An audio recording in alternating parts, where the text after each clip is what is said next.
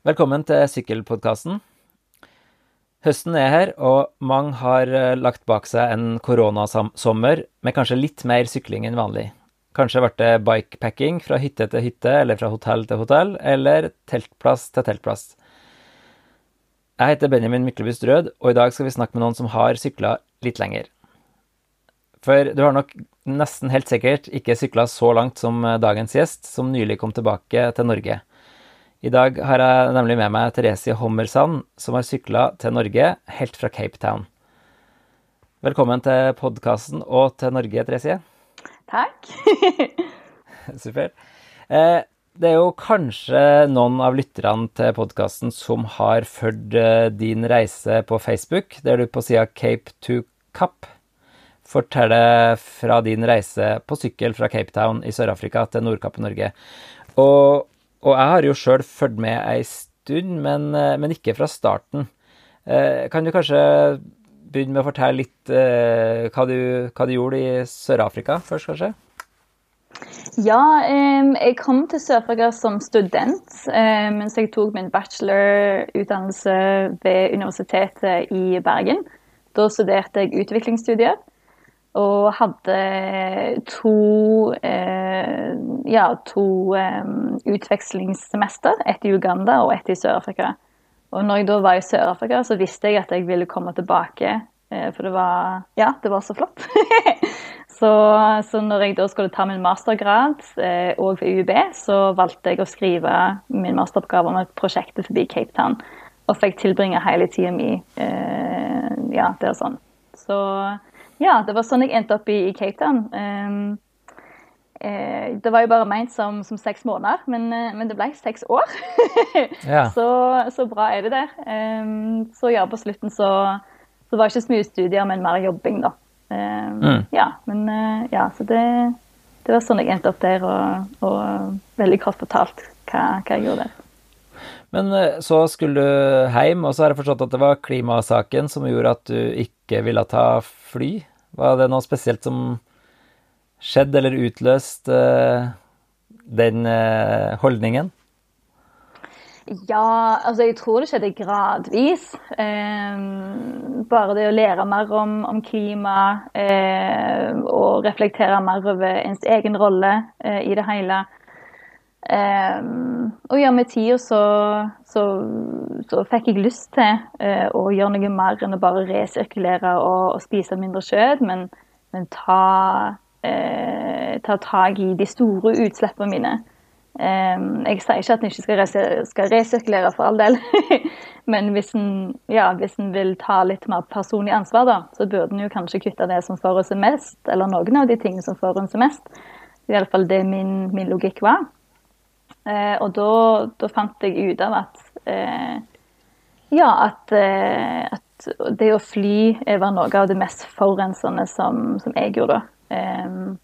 Og jeg tror nok at den siste dråpen min, eller den siste dråpen jeg fikk før jeg liksom virkelig bestemte meg for å, å, prøve å levere fly, var at jeg traff noen som jeg ja, jeg beundrer, hvis det er lov å si. mm. um, en, en, veldig flott mann som har eh, Ja, jeg i like måten å tenke på. Han er en eh, internasjonal eh, akademiker, og samtalen med han er alltid veldig givende og, og eye-opening. Så han fortalte meg om, om, at han prøvde å levere fly, og det var veldig interessant å høre om, ja, om hans erfaringer eh, i forhold til hvordan folk rundt han hadde reagert. Og det, det var veldig negativt, og jeg tror jeg, at jeg ble litt sånn jeg vet ikke, jeg ble litt sånn gira på å gjøre det sjøl. For det, jeg følte liksom at det var så urettferdig at folk rundt han reagerte så negativt når han prøvde liksom å gjøre noe bra for, for klimaet. Så jeg tror av og til så blir jeg liksom trigga når jeg liksom føler at ting er urettferdige, eh, til å liksom Ja, til å, eh, til å gjøre noe. Så ja, det var min siste dråpe. Så, så, da bestemte jeg meg å gå for, for, å prøve å levere fly. Og det var i 2012, og da bodde jeg da i Cape Town. Så siden da så har jeg visst at ikke jeg skulle fly hjem. Um, og jeg tenkte jo at uh, Eller jeg vurderte et lite sekund disse ulike andre transportalternativene en har da for å komme seg hjem.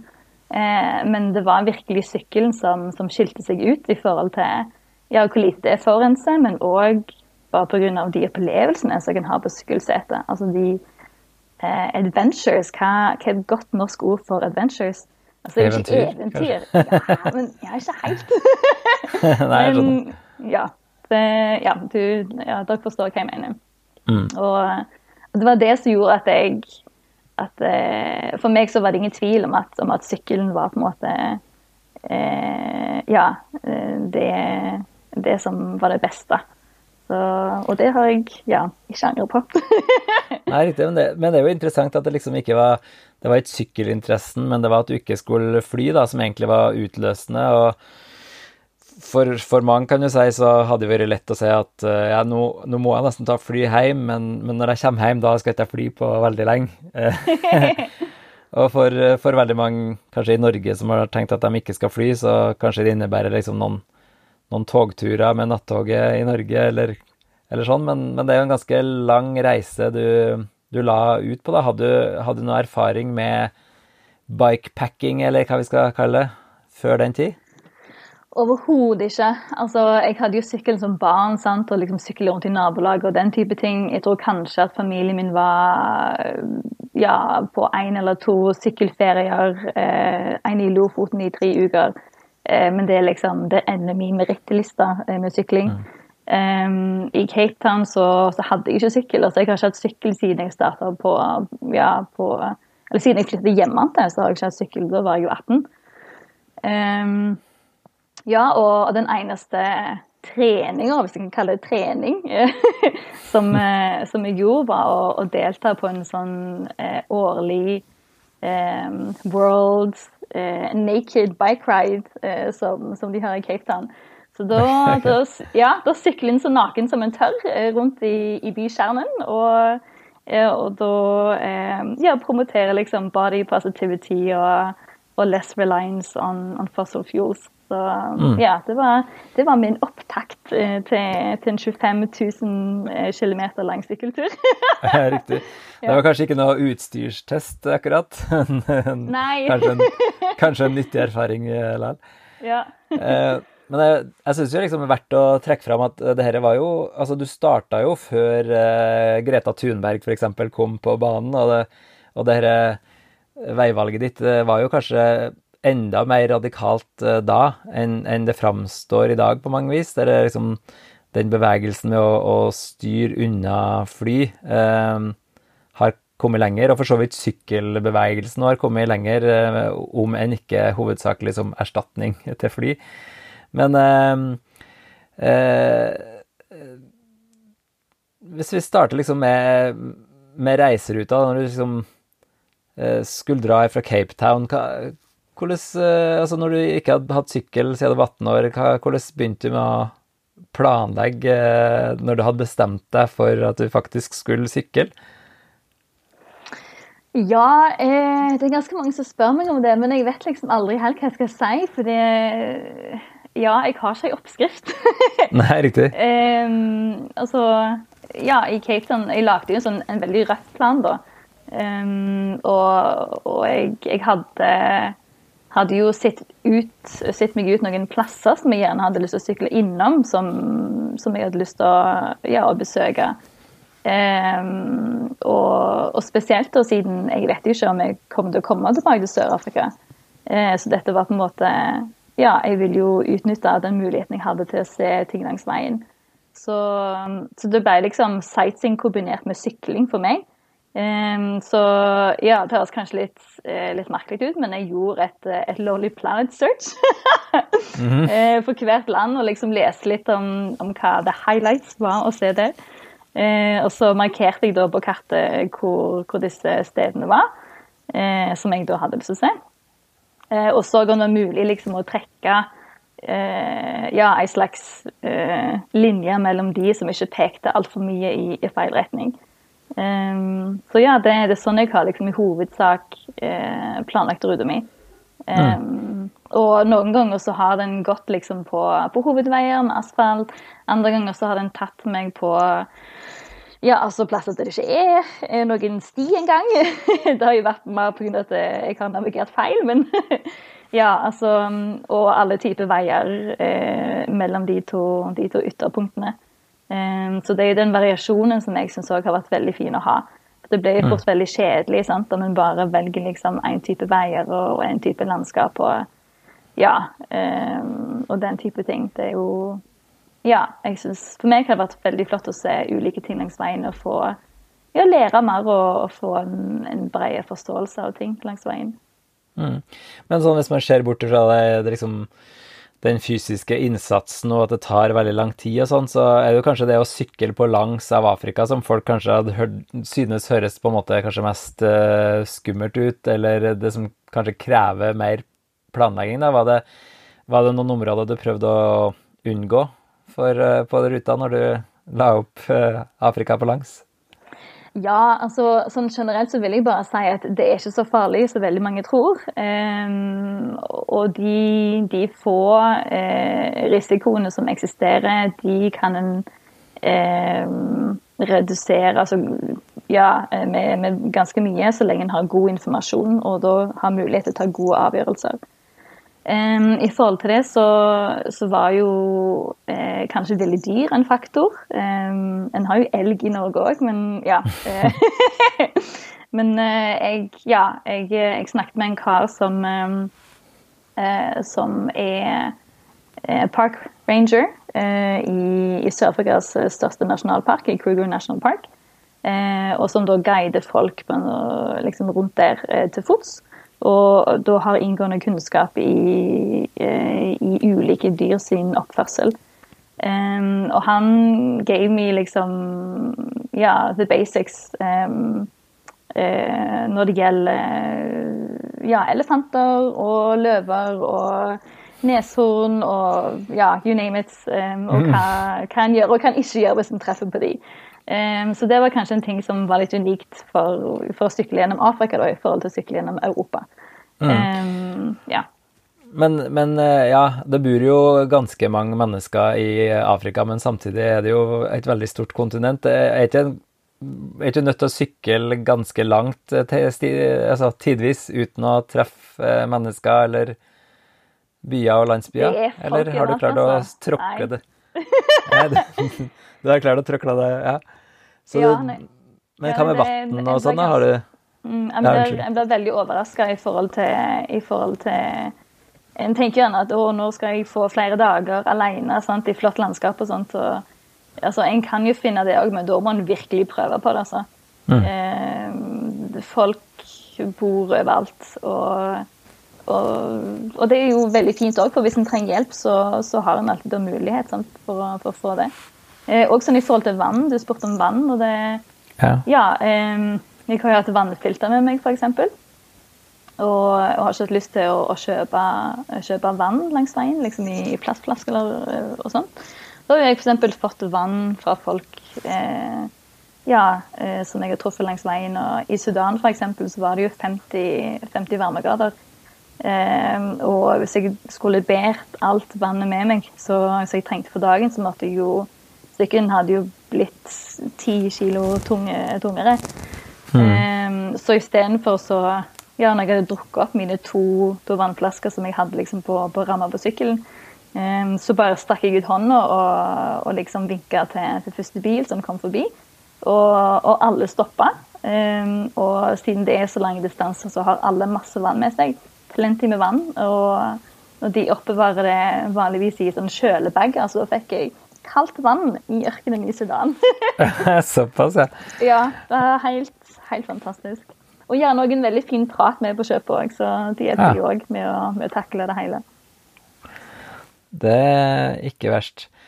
Eh, men så Du sa du starta i 2017, gjorde du ikke det? Jo. Så hvor lang tid brukte du på liksom uh, Out of Africa-opplevelsen? Før du kom ja. uh, gjennom? Ja, nå må jeg tenke litt. Um, jeg tror jeg brukte et år opp til Cairo. Mm. Um, og så var jo planen å eh, finne en seilbåt til, til Aten. Um, jeg syns det hørtes veldig romantisk ut. Og, altså For 10-15 år siden så var det ikke noe problem. Da kunne finne folk som skulle seile eh, og kunne få haik med de, men, men, nå er det litt annerledes for, for, ulike årsaker. Så da endte jeg opp med å måtte justere denne planen. Da måtte jeg sykle gjennom et par land som, ja, som jeg ikke hadde tenkt på på forhånd. Um, så da sykla jeg videre gjennom eh, Sinai, over til Jordan og Palestina og eh, Israel og fant en seilbåt, så jeg fikk skyss med over til Kypros og så til Tyrkia. Og så kom jeg til, til Hellas da, eh, på sykkel. Mm. Um, så ja, turen har tatt litt lenger pga. Ja, eh, den type ting, f.eks. Um, uh, men ja, jeg hadde jo aldri trodd at jeg skulle være på reise i mer enn tre år. Det hadde jeg virkelig ikke sett for meg. Vennen min Keton du spurte jo liksom ja, hvor lang tid eh, jeg trodde det kom til å ta. Og jeg tenkte liksom ja, ett år og seks måneder, er liksom Det, det er realistisk og, og, liksom en passe tid å, å, være på vei. For da Jeg hadde jo ting som jeg gleder meg til å, å gjøre etter turen, liksom. Eh, men eh, ja, jeg tror desto lenger en er på reise, og reiser på den måten her, desto mer bare Wow. Ja. En kommer liksom inn i det, og kommer inn i rytmen og, og, på en måte livet på sykkelen. Og alle de opplevelsene en har, de er så fantastiske og så unike for, for sykling, liksom. Det å leve på sykkelen og reise på den måten der. At en Ja, en, en begynner liksom å Ja, å, å, å verdsette det å eh, ja, altså ta den tida det trenger. da. At en liksom ikke må forte seg sant, for å komme til mål, men at, at det blir viktigere, viktigere, viktigere å fokusere på reisen. da. Altså hva som mm. er mellom, mellom eh, ja, A og B. Gjorde du deg noen tanker om hvilke uh, privilegier du på en har, da, siden du faktisk bare kunne ta den reisen? Ja, eh, det er klart at en gjør det. Eh, absolutt. Men samtidig tenker jeg liksom òg at det er veldig mange som har lyst til å foreta seg en sånn reise som dette her, som jeg treffer. Uh, som faktisk òg har muligheten. Uh, men så Men så sier jeg at nei, men jeg har ikke tid, jeg har ikke penger, uh, eh, osv. Men de som jeg nå tenker på, da Altså, det handler om et valg. Altså, jeg har jo egentlig ikke tid, altså jeg hadde ikke penger.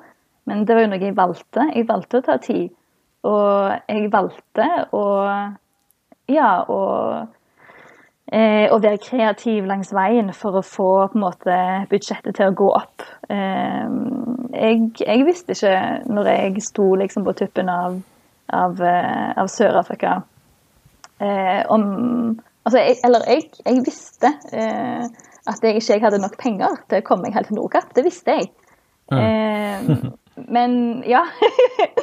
men jeg hadde en sånn følelse av å, og kanskje håp noe, men kanskje si at jeg er naiv. Eller at det var litt sånn tullete. Men, men jeg, hadde virkelig en følelse av at det kom til å ordne seg. Og at, og at det er rom liksom for å være kreativ underveis. At alt må ikke være spikra før du starter. Um, og, og, det har jo virkelig vist seg at Altså når en, ja, at når en har behov, så blir en automatisk kreativ. Så finner en en løsning langs veien. Um, og, og, det har det absolutt vært i mitt tilfelle. Um, så ja, jeg, jeg, tror det hvis en bare tenker litt annerledes, så ja, og liksom gå litt ut forbi eh, Er det noe godt norsk uttrykk for det? Liksom outside the box. Så, så ja, har en veldig mange muligheter. Da. Ja, ja en, en, har så mange muligheter til å realisere det som en virkelig har lyst til. Eh, det handler liksom bare om å, å, ja, å ta de første par litt sånn skumle stegene.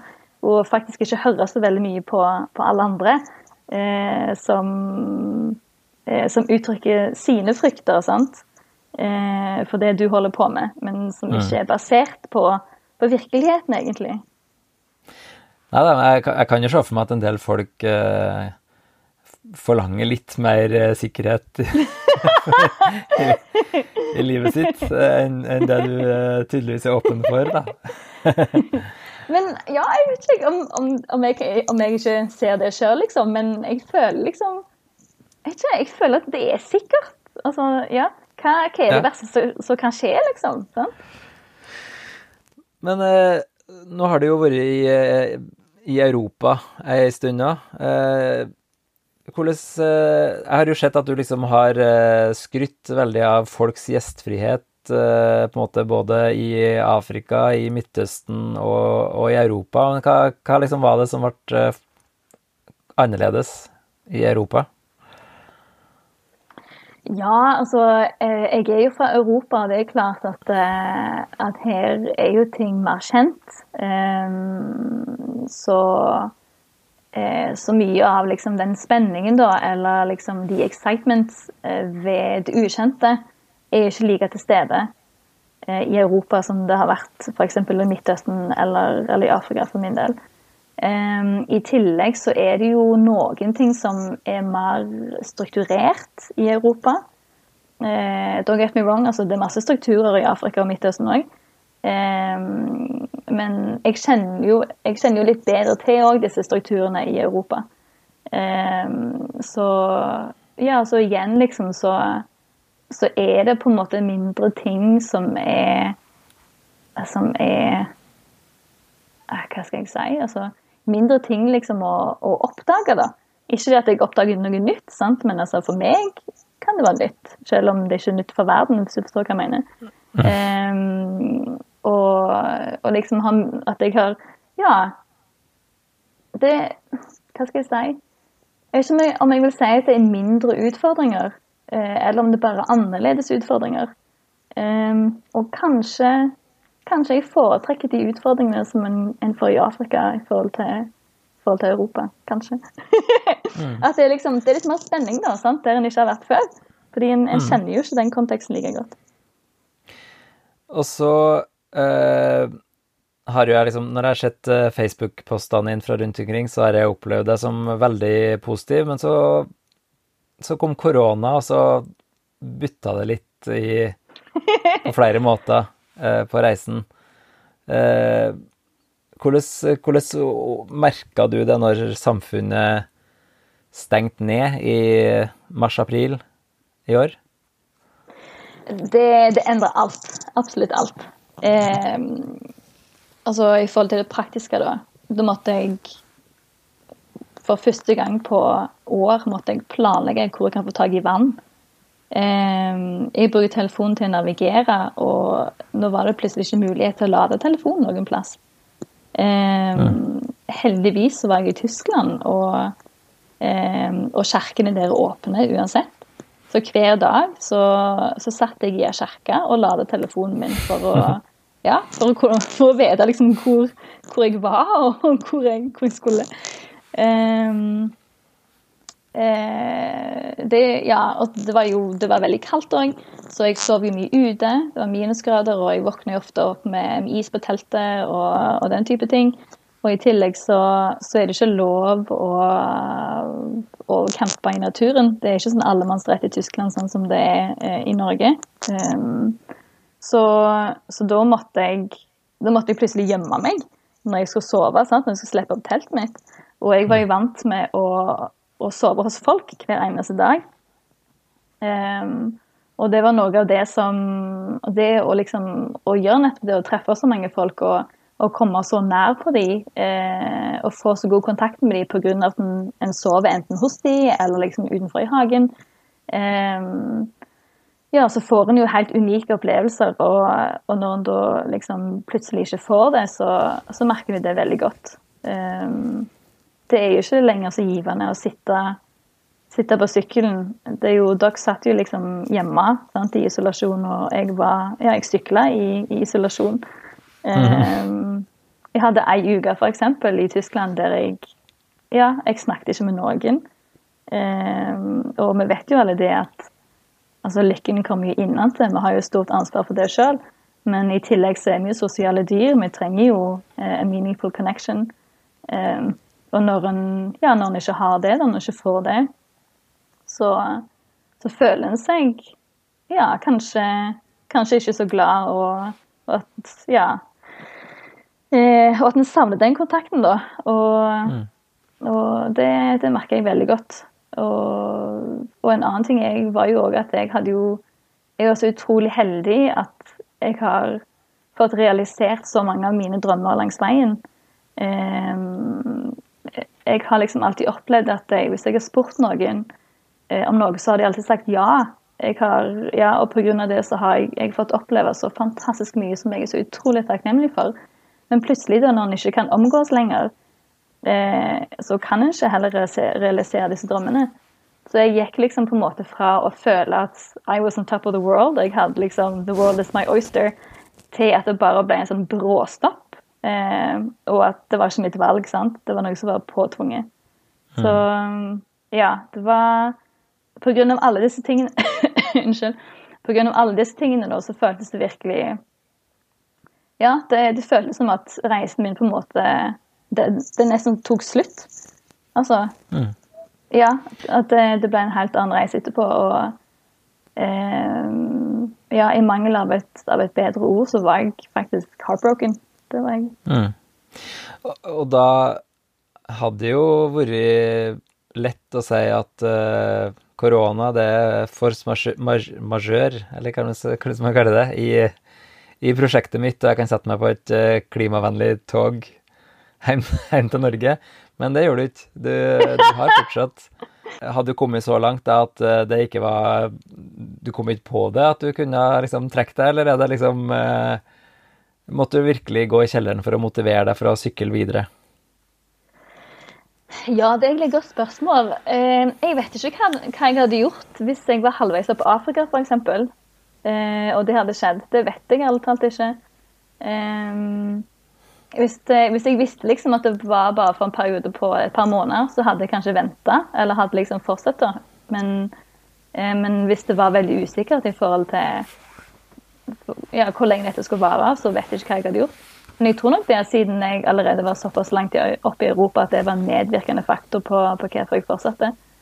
Um, men ja, nei, jeg, jeg vurderte aldri å, å ikke, ikke, fullføre eller å ta en pause, liksom. Det, det var helt uaktuelt.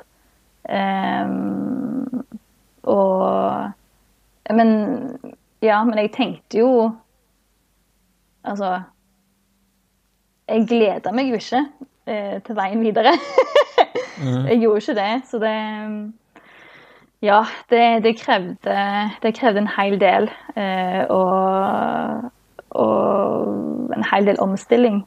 Eh, I forhold til hvordan jeg tenkte om veien videre. Og ja, omstille meg for å prøve å finne motivasjon. Um, ja, jeg tenkte jo liksom at ok, da blir det mer sykling og mindre sightseeing. At da sykler jeg kanskje fortere og, og den type ting. og og jeg tenkte liksom at, at jeg kunne ha i, i, Tyskland da, så tenkte jeg Jeg har et par venner i Tyskland. Og da eh, brukte jeg liksom de som sånn safe havens. Altså jeg kom til de sant, og liksom fikk litt menneskelig nærvær og, og, og kjærlighet og, og sånt. Og, eh, og, fikk på en måte rom til å puste litt, da. Mens mellom, mellom disse store byene da, så var det bare sykling og, og bare liksom put your head down og bare Ja. Eh, bare få det gjort, på en måte. Mm. Det, ja. Men jeg, jeg, tror nok at de, at de safe havens, hvis jeg kan kalle det det, at det var, det var viktig for å Ja. For å, for å, motivere meg videre. Så at det ikke bare skulle se helt svart ut hele tida, liksom. Ja.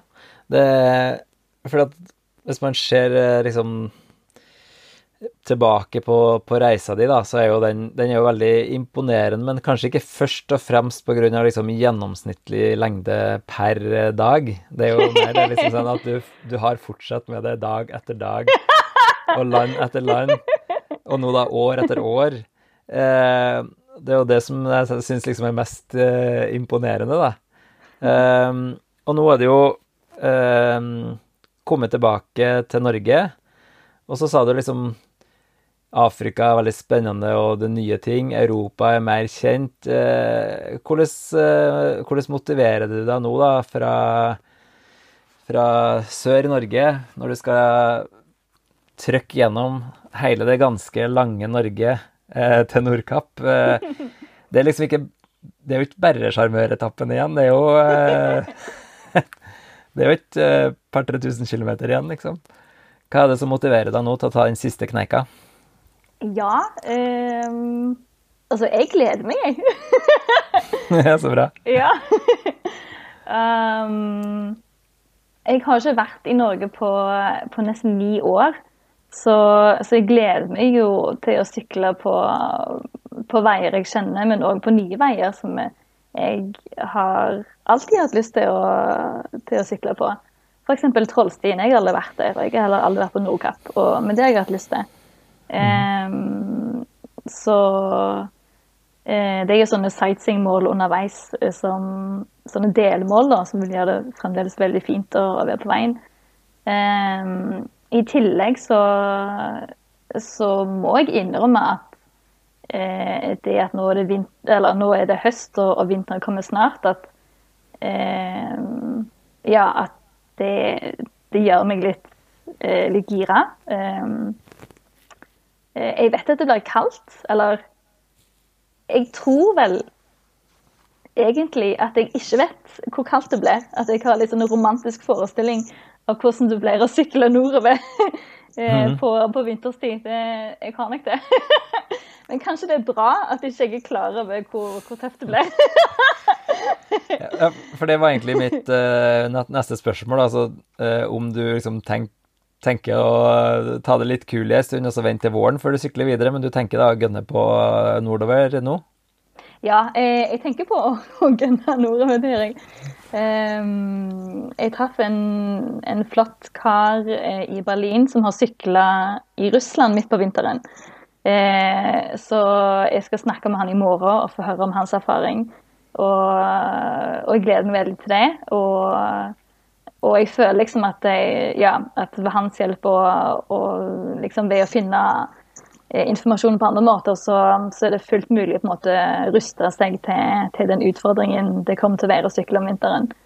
Um, men, men, ja, altså det, er jo, det er jo helt unikt. Altså det vil jo Jeg tenker jo at selv om det blir tøft, så det er en del av det på en måte. Og, eh, men det er jo Ja, det er jo flotte, flotte erfaringer som kommer med det òg. Og og en erfaring for livet, det òg. Opplevelser for livet. Og jeg har jo jeg har lenge drømt om å sykle med, med høye brøytekanter, brøytekanter rundt meg. Eh, det skjedde jo ikke nå forrige vinter i Østerrike. Det var jo nesten ikke noe snø, så jeg var faktisk litt skuffa. mm. eh, men ja, nå ser det ut som at, det, at det blir eh, At den drømmen der òg går i oppfyllelse litt. Ja, litt ja jo, du opplever jo ekstremitetene fra 50 grader i Sudan til ja, Vi får jo se hvordan vinteren blir, men uh, det kan jo bli kaldt i hvert fall. Men, ja, uh, men, men, men, det er det som er så fint også, med, med å være på sykkel, for en er mye mer eh, tett på naturen og, og, tett på klimaet. Og det er jo, for min del, da, det er jo liksom Det er jo en berikelse å kjenne på det, for da forstår en kanskje litt mer av livet, da. Og, eh, og ens forhold til naturen. Eh, og Um, ja, jeg, jeg, jeg, har satt veldig stor pris på å kjenne på, på de ulike klimaene. Selv det har vært liksom tøft eh, der og da, men sånn ettertid så er jeg, jeg er utrolig takknemlig for det. Og én ting som jeg har lært langs veien, er jo det at uansett hva som skjer, om, om, om utfordringen er å sykle gjennom Sahara og det er 50 varmegrader, eller om det er Uh, ja, altså en elefant som springer etter deg. Uh, altså Uansett hva, hva som skjer, uh, så bare En må bare takle det. Altså En takler det bare. Fordi der og da så En har ikke noe valg. Altså, du kan jo sette deg ned sant, og, og grine litt. Jeg har gjort det òg. Men altså Ja, du, du, kan ikke bare liksom si nei, OK, nå, nå Det er det. Nå, nå gir jeg meg. det Ja, og det Altså, jeg har ikke barn, men, men det er liksom jeg, Eller jeg prøver liksom å tenke at hvis du har barn Du kan jo sikkert være ha, ha, eh, ha øyeblikk der du liksom du føler at du ikke har noe overskudd eller ikke mer å gi. sant? Og du, du skulle ønske at kanskje ting var litt annerledes. Eller ikke det at du ikke vil ha barn, men at kanskje barnet var litt snillere. altså who knows. Men liksom i den situasjonen, du kan ikke bare si Du kan ikke bare melde deg ut. Ungene forsvinner jo ikke. De er jo der, de trenger hjelp og støtte. Eh, så, og da tror jeg nok at en finner som foreldre Det inntrykket jeg har fått, er at en finner ekstra styrke og, og evner som en ikke visste en hadde før. Og sånn, sånn har det vært for meg òg på veien. At jeg har ikke følt Altså, I mitt hode så har ikke jeg hatt noe valg, for jeg har vært så motivert hele tida. Og, mm. og, liksom å gi seg har ikke vært et alternativ. Jeg har, ikke, jeg har aldri tvilt på det. Og da, hvis det da kommer en utfordring, så, ja, så tar bare den utfordringen. Jeg sier ikke alltid at det er lett, men, men en tar den utfordringen. Så kommer en seg gjennom det. Mm. Ja, og da tenker jeg at du har jo mye å se fram til i Norge. og det er jo det, er jo det mange har opplevd uh, i sommer. At uh, mange flere har vært i Norge og hatt norgesferie. Og nå får du strekt den uh, ferien langt utover vinter, vinterhalvåret. Men For du, du, sykler jo rundt med telt og sånn, men, men, du er vel det Hvis noen av lytterne som hører på i Strandlykkja og Namsskogan og, og sånne ting jeg har et eh, ekstra soverom, så det er kanskje du er åpen for, eh, for losji kanskje når eh, kuldegradene kommer, eller? Ja, eh, jeg må jo si at eh, det hadde jo vært fint. det hadde det. Jeg sier ikke nei takk. nei, jeg skjønner. Ja, nei, men da tror jeg med det at jeg ønsker deg lykke til videre på ferden nordover. Og så håper jeg jo at det blir en sjarmøretappe, sjøl om det er et godt stykke igjen til til Nordkapp. Takk. Ja, nei, som sagt, jeg gleder meg veldig. og Det, det er fint å, å få dele, ja, dele litt eh, erfaringer og historier underveis med dere òg. Tusen takk.